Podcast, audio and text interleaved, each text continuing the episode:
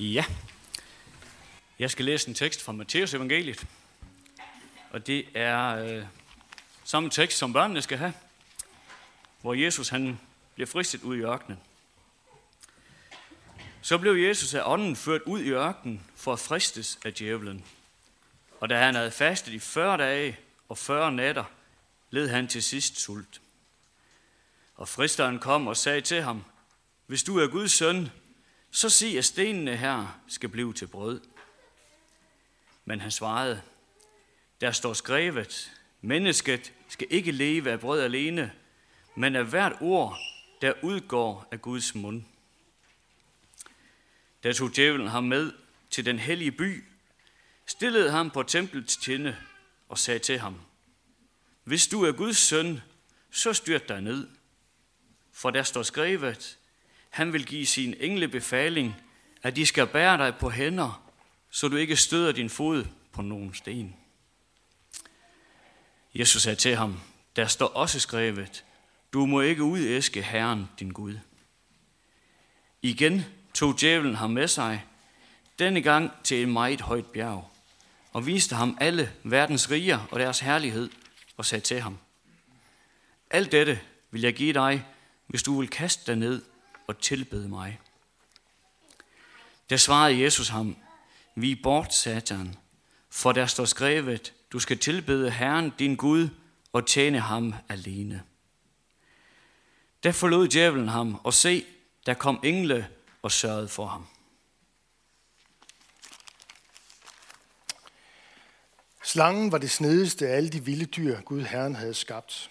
Og den spurgte kvinden, har Gud virkelig sagt, at I ikke må spise af træerne i haven?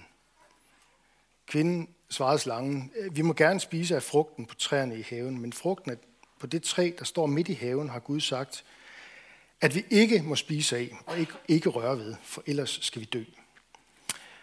Men slangen sagde til kvinden, vist skal I ikke dø, men Gud ved, at den dag I spiser af den, bliver jeres øjne åbnet, så I bliver som Gud og kan kende godt og ondt. Kvinden så, at træet var godt at spise af og tiltrækkende at se på. Og at det også var godt at få indsigt af. Så hun tog af frugten og spiste. Hun gav den også til sin mand, der var hos hende, og han spiste. Da åbnedes deres øjne, og de opdagede, at de var nøgne. Derfor syede de finblade sammen og bandt dem om livet. Ved aftens tid hørte de Gud Herren gå rundt i haven, der gemte Adam og hans kvinde sig for Gud Herren mellem havens træer. Gud Herren kaldte på Adam, hvor er du?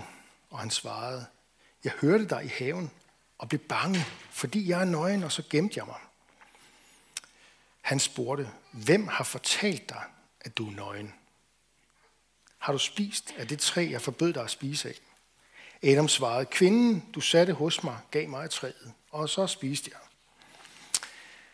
Gud Herren spurgte så kvinden, hvad er det, du har gjort? Hun svarede, slangen forledte mig til at spise. Der sagde Gud Herren til slangen, fordi du har gjort dette, skal du være forbandet blandt alt kvæg og blandt alle vilde dyr. På din bu skal du krybe, og støv skal du æde alle dine dage.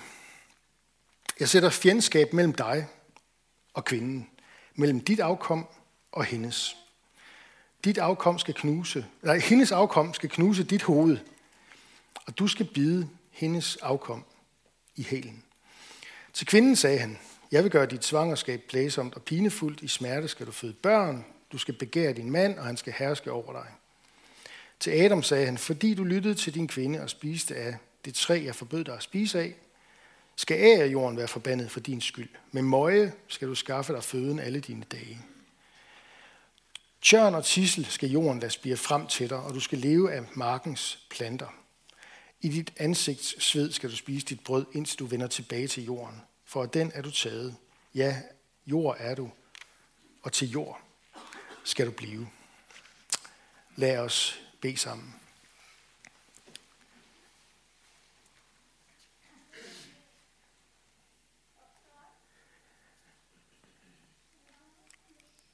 God Gud, Fader, Søn og Helligånd, vi beder om, at du vil tale til os fortsat, når vi lytter til dit ord. Vi beder om, du vil åbne vores hjerter, vores tanker, så vi kan høre, hvad ånden vil sige til menigheden.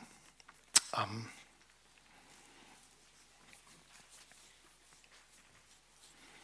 Ja, det er en tekst, der egentlig jo, hvis man sådan skal i detaljer, øh, nok skulle lige sådan have 10 bibeltimer eller sådan noget, ikke også?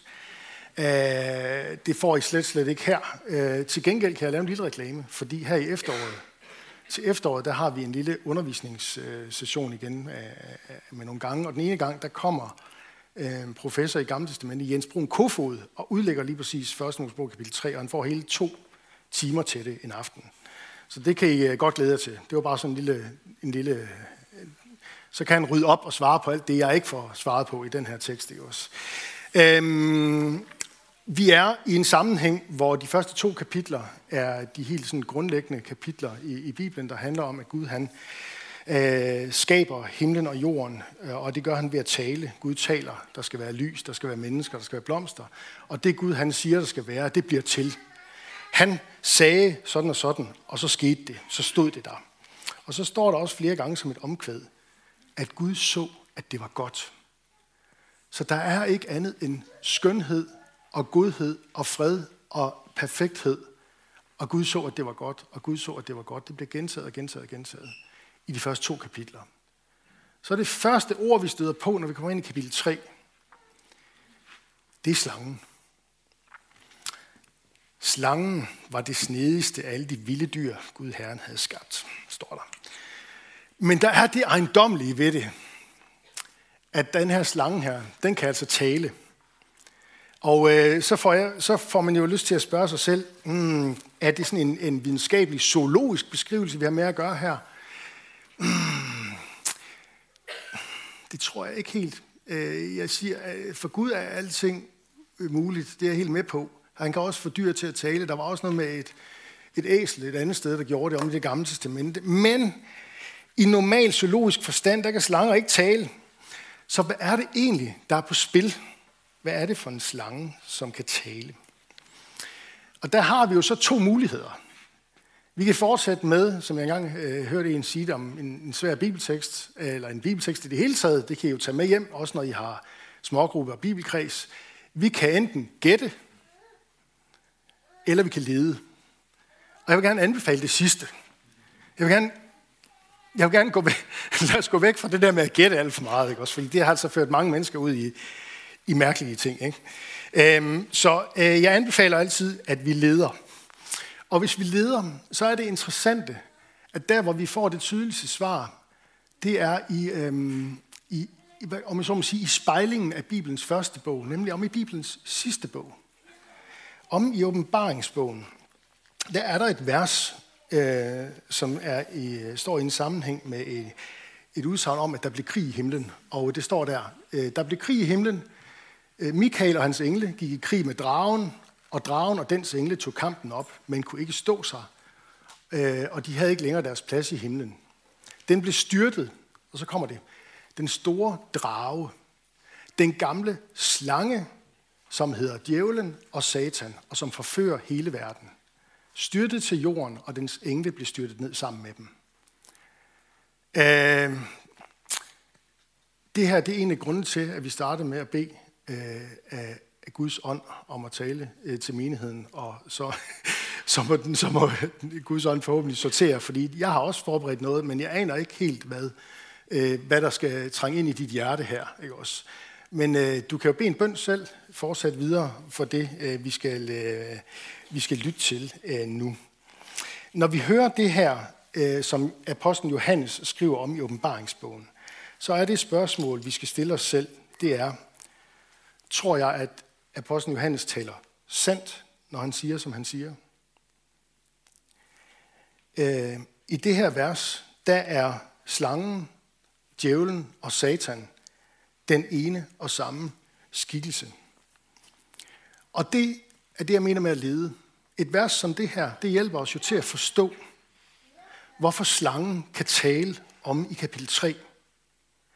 Det kan den, fordi det ikke er en almindelig slange.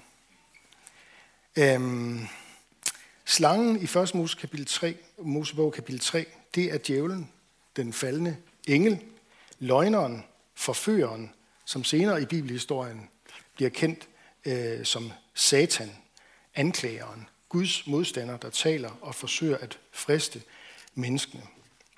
fra djævlen, der kommer der adsplittelse. Og det ser vi meget tydeligt allerede i, øh, i, det der, i, i, i versene efter, at det her er sket. At adsplittelsen kommer allerede mellem Adam og Eva. Ikke også? De begynder at skyde skylden over på den ene på den anden, og den anden på, og så videre, og så videre. Ikke også? Og der kommer en adsplittelse lige pludselig ind i skaberværket, også i forhold til, til, til naturen og det skabte, og i forhold til Gud, i forhold til min medmenneske. Øhm, nogle gange siger vi om det djævelske, at det er diabolsk. Kender I det udtryk? Hvad med jer op fra efterskolen? Kender I det udtryk? Diabolsk. Det er, det er et udtryk, man bruger for, at noget er djævelsk. Det er diabolsk. Øh, jeg tror nok, at på øh, spansk eller sådan et eller andet, der hedder djævlen El Diablos. Er det ikke rigtig, roer? Du har været i Peru. El Diablo. Det, det, det, det er den diabolske skikkelse, vi møder i Bibelen. Ikke? Og øhm, det betyder bogstaveligt talt, at noget bliver adskilt. Noget bliver kastet fra hinanden. Dia bolos, det betyder kaste, og det bliver kastet i hver sin retning. Det betyder altså, at noget bliver splittet ad og fjernet fra hinanden. Og det er, hvad slangen, djævlen, den diabolske fjende vil. Han vil fjerne mennesker fra hinanden, og han vil fjerne mennesker fra Gud. Og der har jeg lige lyst til at indskyde en ting her, som jeg tror er meget vigtig. Øhm, jeg kender det fra mig selv, og nu tager jeg den lige ud til jer.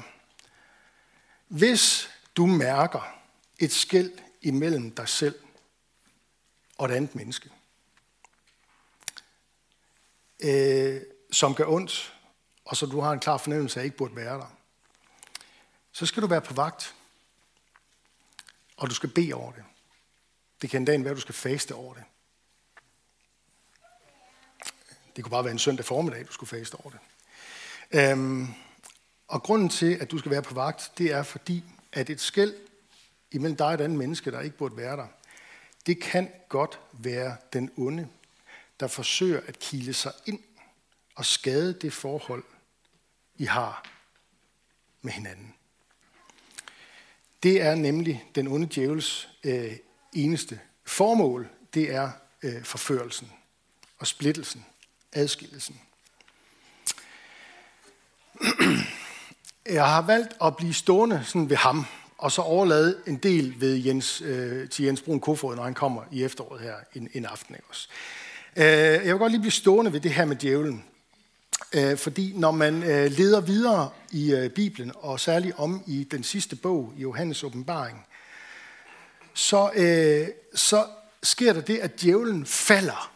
Jeg ved ikke, om I lagde mærke til det i det vers, vi læste før, men der står, at, at øh, Gud han styrtede djævlen fra himlen til jorden. Og øh, der, sker, det sker så, der sker nogle videre fald. Man kan sige det på den måde, at djævlen falder i tre etapper. Men det er det samme ord, der bliver brugt. Der bliver brugt det ord, at djævlen bliver styrtet. Og det siger mig jo noget om, at det siger også noget om, at, at Johannes selv har rent sprogligt lagt noget ind, som han har jo ikke på sin computer, hvor han kan gøre det fed og understrege det og gøre det med kursiv. Men så kan han til gengæld bruge det samme ord tre gange ligesom Jesus siger, sandelig, sandelig siger jeg. Det er sådan, ligesom nu skal I høre efter, det med fed skrift, det der kommer nu. Ikke os. Og her, der står der altså i åbenbaringsbogen kapitel 12, vers 9, at djævlen bliver styrtet fra himlen til jorden. Altså det, der er sket engang forud for, for, for at Gud skabte det hele, der var der åbenbart, det ser det ud til, også ud fra nogle andre tekster, men det her er noget af det tydeligste, vi har, øhm, at, at djævlen er en falden engel, en engel, der, der var øh, i Guds usynlige rige, men gjorde oprør imod ham. Og så blev han styrtet fra himlen til jorden. Og det har så den konsekvens lige nu, at der er forførelse på jorden, fordi djævlen er her. Øhm, så er der et styrt mere, som bliver beskrevet om i åbenbaringsbogen kapitel øh, 20, vers 3, hvor der tales om. Det, det er et afsnit, der handler om, øh, i kapitel 19 hør, møder vi Jesus, der kommer igen, og så er der en række beskrivelser af, hvad der skal ske, når Jesus kommer igen. Og der står der altså omkring, øh, omkring det, det her med, at der skal komme en, en tidsperiode, det, kald, det kaldes for de tusinde år, hvor der er en engel, der en dag skal styrte djævlen videre ned fra jorden til afgrunden. Og det her udtryk afgrunden kaldes i et af de senere vers, i vers 8, for, for djævelens fængsel.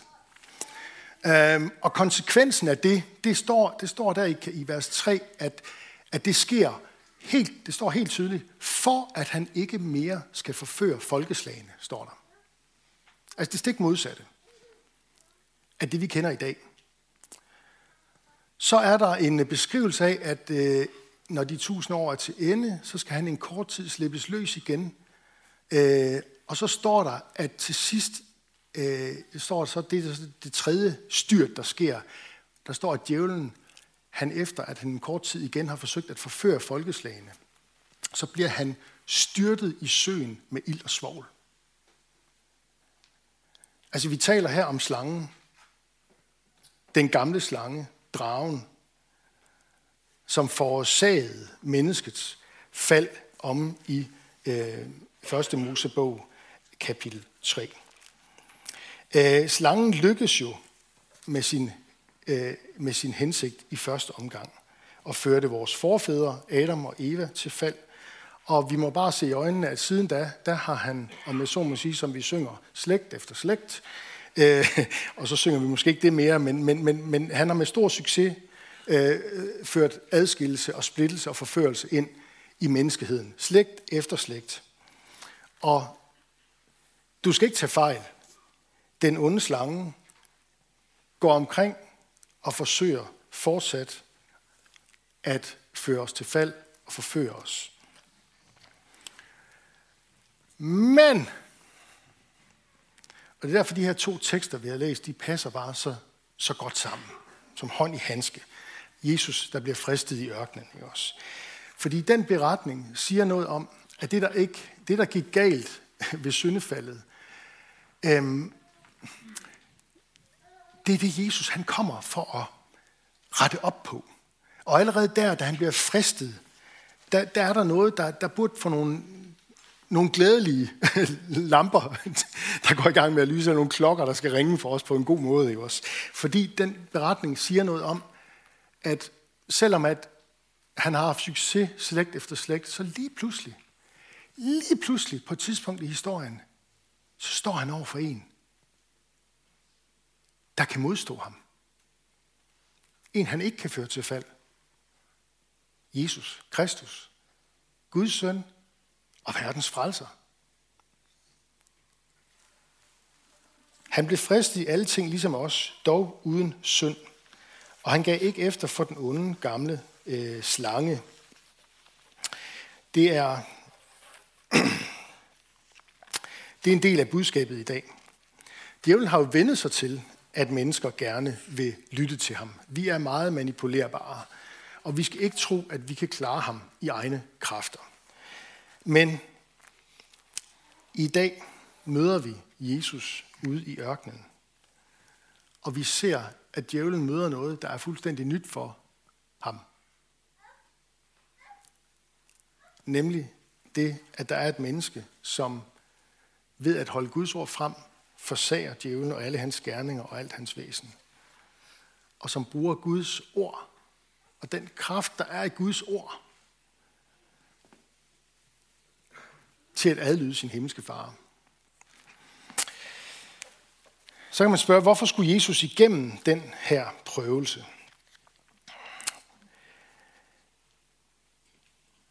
Det skulle han, fordi at korset ventede forude. Og der var også stor fristelse forbundet med det. I Gethsemane have, inden han bliver taget til fange, der er fristelsen kulo enorm stor. Så igennem den fristelse i ørkenen, der bliver Jesus forberedt. Han bliver så at sige på en måde sådan forud trænet, øh, eller får en visdom til at holde ud over for det enorme pres, der senere kom. Og det kom på forskellige vis. Men han mødte jo øh, helt inde i sin egen disciplefloks hjerter. Tænk på Judas, ikke også? Der svigtede ham. Eller tænk på, hvordan øh, Peter, altså om jeg så må sige, øh, øh chefen i blandt øh, disciplene, øh, ham der ligesom var talsmand, og den der trådte frem, og så videre, og så videre. Der er en beskrivelse i Matteus evangeliet kapitel 16, øh, som jeg også tror, jeg har taget med her, hvor, hvor Peter øh, tydeligvis er under øh, slangens indflydelse. Baggrunden det er, altså, som der står, Jesus han fortæller sine disciple, at han skal til Jerusalem for at lide og dø og opstå. Står sådan her, fra dag af begyndte Jesus at lade sine disciple vide, at han skulle gå op til Jerusalem og lide meget ondt af de ældste og ypperste præsterne, og de skriftkloge og slås ihjel og opstå på den tredje dag. Det forstår de ikke noget af. Så står der, da tog Peter ham til side og begyndte at gå i rette med ham og sagde, og det, prøv lige at høre, hvordan det lyder. Det lyder da rigtig godt, gør det ikke det? Gud bevarer dig, herre. Sådan må det aldrig gå dig. Må Gud virkelig have sagt? Men Jesus vendte sig om og sagde til Peter, det samme som han sagde ud i ørkenen til djævlen, for han ved, det er ham, der er bagved. Vi er bag mig, satan, du vil bringe mig til fald. For du vil ikke, hvad Gud vil, men hvad mennesker vil. Det Gud vil med Jesus, det er, at han skal dø på et kors. Og det forsøger djævlen åbenbart at forhindre her igennem Peter. Det er det, jeg mener med, at selv slangen forvent Jesu disciple imod ham. Det er, det er ret voldsomt. Men, øh, og der er også meget i den her beretning, kan I høre det, et ekko øh, fra øh, syndefaldet.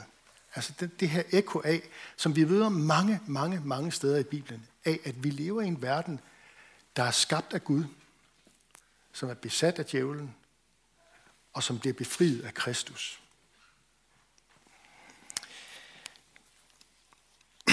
Det Gud vil, det er at føre vi mennesker fra mørke til lys, fra undergang og fortabelse til opstandelse og evigt liv. Og det er derfor, at den onde forsøger at få Jesus væk fra sin mission, væk fra sit kald, ved at forsøge at kontrollere ham. Men i mødet med lige præcis Jesus,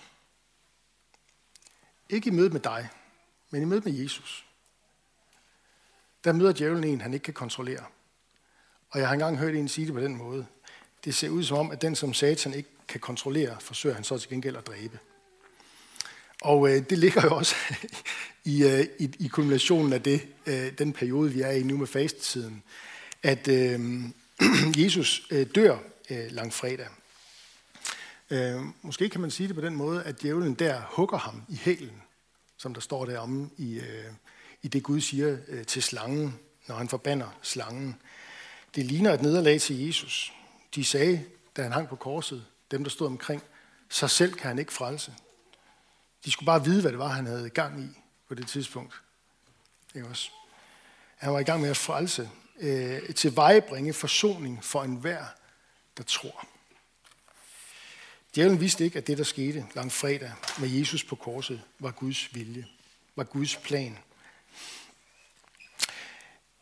Om i 1. Mosebog kapitel 3, der møder vi det, som kaldes for protoevangeliet. Altså det første evangelie, det første spæde glimt af, at Gud han vil frelse verden, der er faldet i synd. Øh, og vi møder det altså samme dag, som det er sket. Øh, vi har syndefaldet og konsekvensen af, og Adam skyder skylden på Eva, og Eva skyder skylden på slangen, og jeg skal komme efter, der er kommet splittelse ind i verden. Øh, og så siger Gud øh, til, til slangen, jeg sætter fjendskab mellem dig og kvinden, mellem dit afkom og hendes. Og så står der, hendes afkom, altså kvinden, hendes afkom skal knuse dit hoved.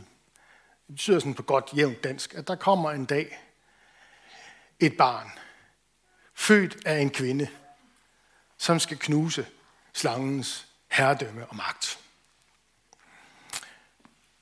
Og så bliver det lige fået til, til slangen, og du skal bide øh, den person i hælen.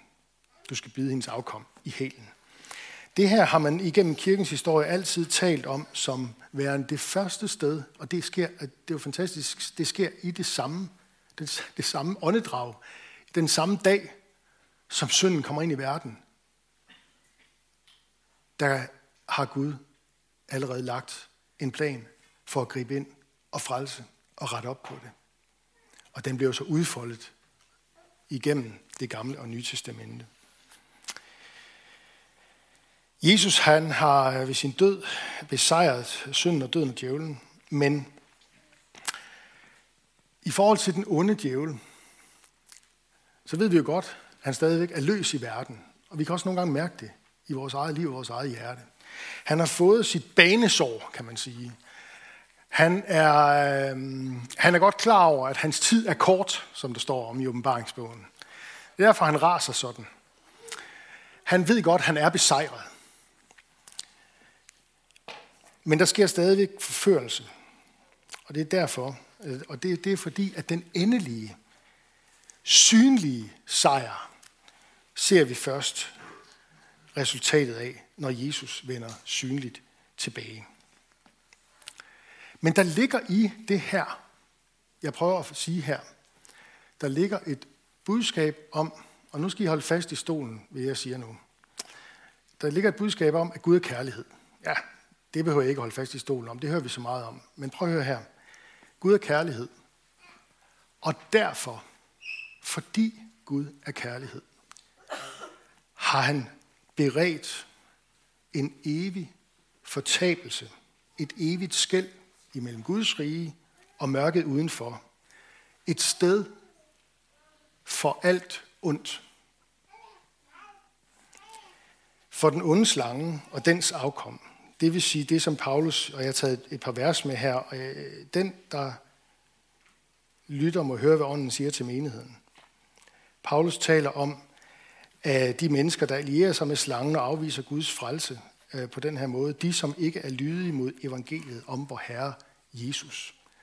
Eller som Johannes skriver det i åbenbaringsbogen i den kontekst, vi også har været inde i at kigge nu, hvis nogen ikke fandtes indskrevet i livets bog, blev han styrtet i ildsøen.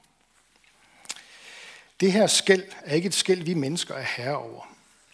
Det er Gud selv, der taler sådan. Vi kan lytte til, hvad ånden siger til menigheden, og vælge at leve i lydighed over for Jesus. I lydig tro over for, hvad han siger, om hvem han er. Det her skæld, det er, beskriver Jesus jo rent faktisk som noget, der går ned midt imellem mennesker, der kalder sig kristne. Jeg tænker på øh, det, han siger om i Matteus evangeliet kapitel 7, vers 21 øh, 23, hvor han siger sådan her, ikke enhver, der siger, herre, herre, til mig, skal komme ind i himmeriget, men kun den, der gør min himmelske fars vilje. Mange ved den dag, og det er dommedag, sige til mig, herre, herre, har vi ikke profeteret i dit navn? Har vi ikke uddrevet dæmoner i dit navn? Og har vi ikke gjort mange mægtige gerninger i dit navn? Og da vil jeg sige til dem, som det er. Jeg har aldrig kendt jer. Bort fra mig. Jeg har aldrig kendt jer. Man kan åbenbart bruge troen, sådan det ser ud som kristen tro, men det er det ikke. Der er ikke et kendskab til Jesus bagved. Vi kan også stille det om som et spørgsmål. Kender du Gud, din skaber, og Jesus, din frelser. Kendskab, det har noget at gøre med tillid. Det har noget at gøre med kærlighed. Tror du, at Gud har gjort alt, hvad der skal til, for at du kan kalde dig Guds barn? Det er det, Guds ord siger, han har gjort for dig. Tror du på, at han er død på korset, og han der gjorde det for dig, som ingen anden kan gøre, nemlig gjorde op med din synd og skyld? Tror du på, at graven er tom, og dødens magt er overvundet? Hvis du gør det, så kender du Jesus. Så gør du hans himmelske fars vilje, som Jesus siger. Eller som han siger i sin bøn øh, i Johannes evangelie kapitel 17, øh, om sin disciple og deres forhold til Gud og det evige liv. Han siger sådan her, dette er det evige liv siger Jesus, da han beder til sin far i himlen. Dette er det evige liv, at mine disciple kender dig, den eneste sande Gud, og ham du har udsendt, Jesus Kristus. Og det han blev udsendt for, det var først og fremmest at vende sine øjne imod Jerusalem, og så være lydig mod det, Gud vil have ham til at gøre. Og det var døden på korset, og så den tomme grav. Lad os bede sammen.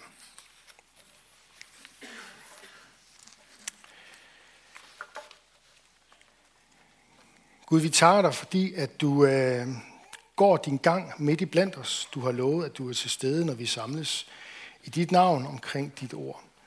Og vi beder om, at du vil gå øh, din gang nu øh, hos os, i os, også når vi, øh, når vi går hver til sit øh, efter gudstjenesten, men du fortsat vil gå med os, og du vil kalde på os og øh, indbyde os til fællesskab med dig, til kendskab øh, med dig, til barnekår hos dig.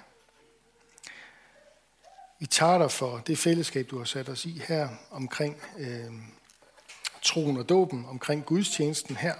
Tak fordi vi kan mødes i frihed og tilbede dig. Vi beder om, at du vil udruste os med nådegaver til fælles gavn og opbyggelse, og lære os at række ud over vores egne behov. Vi beder for menigheden, menighedens børn, både de fødte og de ufødte. Beskærm du dem og lad dem få lov at vokse op i tro på dig. Det samme beder vi om for menighedens konfirmander og unge. Lad dem vokse i tillid til dig. Vi beder for ægteskaberne og de, som lever alene. Giv os din kraft over vores liv og samliv. Vi beder for Skærn by og omegn, at du, Jesus, må blive kendt, troet, elsket og efterfuldt. Vi beder for Nils Jørgen Fogh, menighedens åndelige vejleder, velsign ham i hans tjeneste. Vi beder om, at du vil være nær hos alle, der er ramt af sorg, sygdom og lidelse. Giv os mod til at være til stede og visdom til at lindre smerten hos hinanden.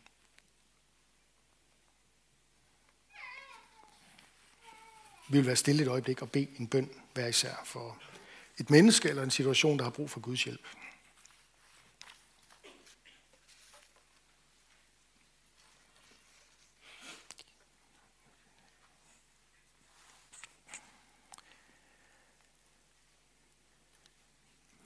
Vi beder for de, som lige nu er udsendt her fra menigheden, for Kirsten Østerby i Jerusalem, for Sofia Hansen i Tanzania, for Karoline Lundegård i Nuuk på Grønland. Vi beder om, at du vil være dem nær og lade deres arbejde bære frugt for dit navns skyld. Vi beder for din kirke ud over jorden, dem som særligt lever i verdens brandpunkter og forfølges for dit navns skyld. Øhm, Giv dem frimodighed til at kunne leve livet der og være vidnesbyrd for deres omgivelser. Vi beder om, at evangeliets lys må skinne blandt denne verdens muslimer, så de omvender sig og lærer dig at kende Jesus Kristus som den eneste sande Gud. Samme beder vi om øh, i forhold til de jødiske folk, at den tid må komme, hvor de ser hen til dig som Messias og omvender sig i glæde.